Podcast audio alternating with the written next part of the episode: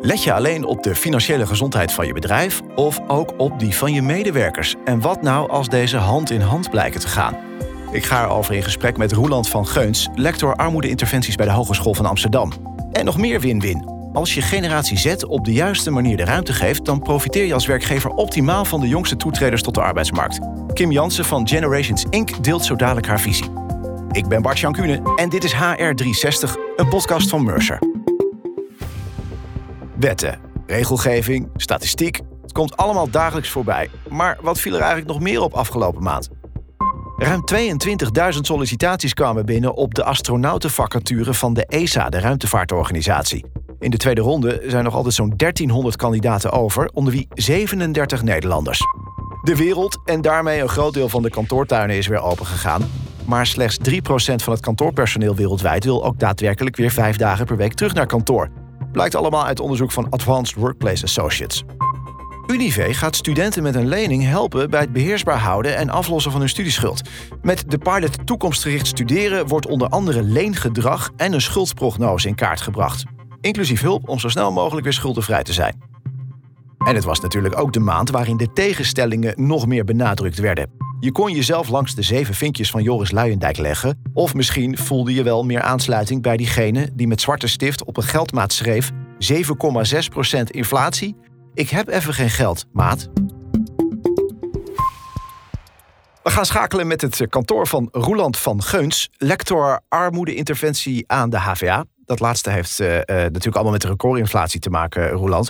Hoeveel procent van de werknemers heeft nou echt last van die gestegen prijzen? Ik denk dat dat uh, tussen de 20 en de 50 procent is. We weten dat niet helemaal precies, maar 20 procent sowieso. Uh, omdat die sowieso al te maken hebben met betalingsachterstanden. En uh, in ieder geval tot aan modaal uh, leidt dit tot, tot echt, echte problemen. Wat voor problemen zijn dat?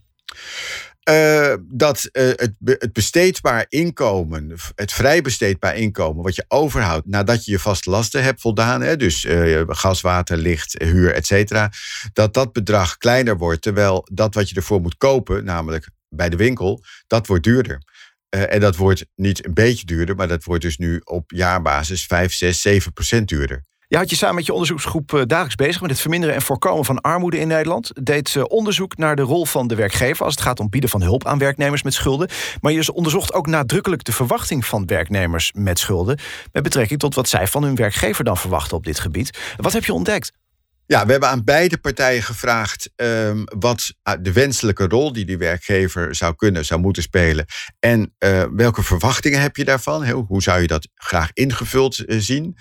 Uh, nou, en wat we hebben gezien is dat werkgevers best bereid zijn om daar een rol in te spelen, tot op zekere hoogte. en dat werknemers daar eigenlijk zou je kunnen zeggen, nog wat meer reserve in hebben dan werkgevers. En met reserve um, bedoel je dat ze niet graag te koop lopen hiermee? Ja, beide partijen hebben te maken met, uh, met schaamte. In Nederland praten wij niet veel over geld, zelfs binnen het gezin niet of nauwelijks. En laat staan met collega's of uh, je werkgever. En omgekeerd, die werkgever die loopt niet meteen naar zijn werknemer toe als hij denkt van nou, misschien is er wel iets met de financiën thuis.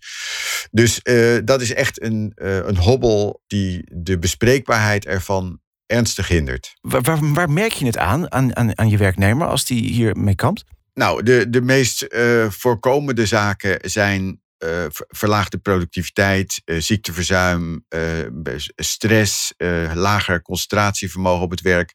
Dat zijn dingen die een werkgever niet direct zal koppelen aan financiële problematiek. Nee, precies, dan dus moet je dat dan nog maar net achter zien te komen. Ja, dat is best ingewikkeld. Dus uh, de signaal, het, het, signalen die directer gerelateerd zijn aan die financiën, uh, dat is nou, de meest, de meest uh, evidente, de meest duidelijke is ehm, loonbeslag. Als er loonbeslag wordt gelegd bij jouw werknemer, dan weet je, hier is iets aan de hand met onbetaalde rekeningen. Uh, en dan heb je ook eigenlijk meteen wel een grond om het gesprek met die werknemer aan te gaan. Andere, wat minder duidelijke signalen. Maar we zijn het er in, in het onderzoeksland wel over eens dat, dat, dat je dat ook wel moet meenemen. Zijn dingen als uitbetalen van vakantiedagen. Het uh, vragen van een voorschot, het uh, eerder uitbetaald krijgen van je vakantiegeld. Dat zijn allemaal signalen dat iemand dus behoefte heeft aan extra geld. Hoeft niet per se te betekenen dat er financiële problemen zijn. Maar het is wel een signaal uh, om eens op te pakken en het gesprek over te voeren. Uh, de werknemer vindt het toch over het algemeen een privézaak. Dus heeft toch wel een beetje de reactie van waar bemoei jij je mee? Uh, en die werkgever heeft eigenlijk ook een soort schaamte en handelingsverlegenheid om er naar te vragen. Dus wat dat betreft eh, is die, die aanleiding van dat loonbeslag, die is makkelijk. Want de werkgever weet dat de werknemer het weet. En de werknemer weet dat de werkgever het weet. Op de website van het Nibud kun je een kostenscan doen. om erachter te komen wat het jou als bedrijf eigenlijk kost. wanneer je te maken hebt met personeel met financiële problemen. Eh, ik heb dus ook zo'n voorbeeldberekening gedaan. Die kosten lopen snel op. Tot zo'n 13.000 euro per werknemer per jaar. Wat zijn dan de kosten voor een bedrijf? Uh, nou, ik noemde ze eigenlijk aan het begin al een beetje. Hè, dus die, die verlaagde productiviteit, die minder hoge concentratie, die zich dan in die verlaagde productiviteit vertaalt, et cetera. Maar uh, heel direct extra ziektekosten. Ik geloof dat het Nibud uh, destijds in het, in het onderzoek, een basisonderzoek, wat, wat uiteindelijk tot deze scan heeft geleid, heeft berekend dat het om en bij de negen extra ziektedagen per jaar kost. Dat zijn zeg maar voor een fulltimer twee volle weken dat iemand niet op het werk verschijnt, niet productief is. Ja, dat, zijn, dat telt meteen aan. En indirect zijn er natuurlijk de kosten van PO die daarbij komen, van de HRM die erbij komt, van de arbodiensten die erbij komen. Dat telt allemaal uiteindelijk op tot dit soort bedragen. Het kan gewoon veel voordeliger uitpakken om je werknemer te helpen met die schulden. Ja, uiteindelijk, uiteindelijk is dat zeker zo. Ja. Je kunt als werkgever verschillende middelen inzetten om je werknemers te helpen. Eh, wat voor voorbeelden heb je daarvan gezien? Nou, wat, wat we uit het, uh, uit het onderzoek, maar ook wel uit uh, contacten gewoon direct met bedrijven en werkgevers weten, is dat er bedrijven zijn die bijvoorbeeld budgetcoaching aanbieden. Dus dat is uh, iemand die jou helpt om beter met je geld rond te kunnen komen. Of dat een bedrijf, NS is zo'n voorbeeld, een contract heeft met een grote schuldhulpverleningsorganisatie en die via het intranet of via de PNO-afdeling aan hun werknemers schuldhulpverlening aanbiedt. En dat wordt dan door het bedrijf betaald. Uh, maar de schuldhulpverlening wordt in dat geval wel natuurlijk buiten het bedrijf om aangeboden. Als ik jou zo hoor, zoveel bedrijven, zoveel oplossingen. Hoe zorg je er nou voor dat je dit voor je werknemer borgt? Dat jouw werknemer ervan op aan kan dat als hij bij jou werkt en in de problemen komt, dat hij gezien wordt en geholpen wordt. Ja, dit is een, een hele belangrijke en hele goede vraag. Ik denk dat het van belang is dat uh, je het pakket wat via een aantal sites best wordt aangeboden. Hè, de verschillende mogelijkheden, die kun je bij het Nibud zien, die kun je bij wijzer en geldzaken kun je die vinden. Maar dat, uh, dat, dat het aanbieden van dat pakket niet afhankelijk is van één persoon in je bedrijf. Dus als je uh, tenzij je natuurlijk een heel klein bedrijf hebt, maar als je een iets groter bedrijf hebt, dat je er dan altijd voor zorgt dat het vertrek van iemand die daar veel van af weet, niet betekent dat er helemaal niets meer voor je werknemers is. Dus enerzijds borgen in nou ja, noem het maar even het papieren beleid. Maar papieren beleid is geduldig. Het gaat er uiteindelijk om dat er op de werkvloer mensen zijn die weten waar moet ik zijn als het over dit soort dingen gaat. En dan zou mijn advies zijn: zorg ervoor dat er altijd meerdere mensen zijn die hiervan op de hoogte zijn, zowel bij PNO en HRM als in de directe lijnmanagement, als bijvoorbeeld in een OR of een uh, andere vorm van werknemersvertegenwoordiging. En dit zit dan allemaal in de processen. Hoe verweef je dit in de cultuur van je bedrijf? Door er zo open als maar mogelijk is over te praten en in ieder geval uh, duidelijk te maken dat het iedereen kan overkomen. He, dus dat het, het, het, als je met financiële problemen zit, blijf er niet te lang mee rondlopen. Het kan iedereen overkomen. We hebben in het bedrijf een vertrouwenspersoon of een uh, werknemersvertegenwoordiging. Ga daarmee praten. Ga met HRM praten. Ze kunnen je van advies voorzien. Ze kunnen je doorverwijzen naar iemand en dat zal altijd natuurlijk iemand zijn die uh, vertrouwelijk met jou en met jouw problemen omgaat. Het levert uiteindelijk trouwe werknemers op als je dit op een goede manier aanpakt. Uh, in veel gevallen denk ik wel, ja. In de HR360 zetten we altijd drie punten achter het gesprek. Drie belangrijke take-outs voor de luisteraars die ze mee kunnen nemen in hun dagelijkse praktijk. Uh, je hebt het schrift al voor je liggen. Zo dadelijk hoor ik graag welke lessen we meenemen van deze aflevering. Wil je zelf een keer hier aan tafel plaatsnemen omdat jij net een ander perspectief hebt op HR?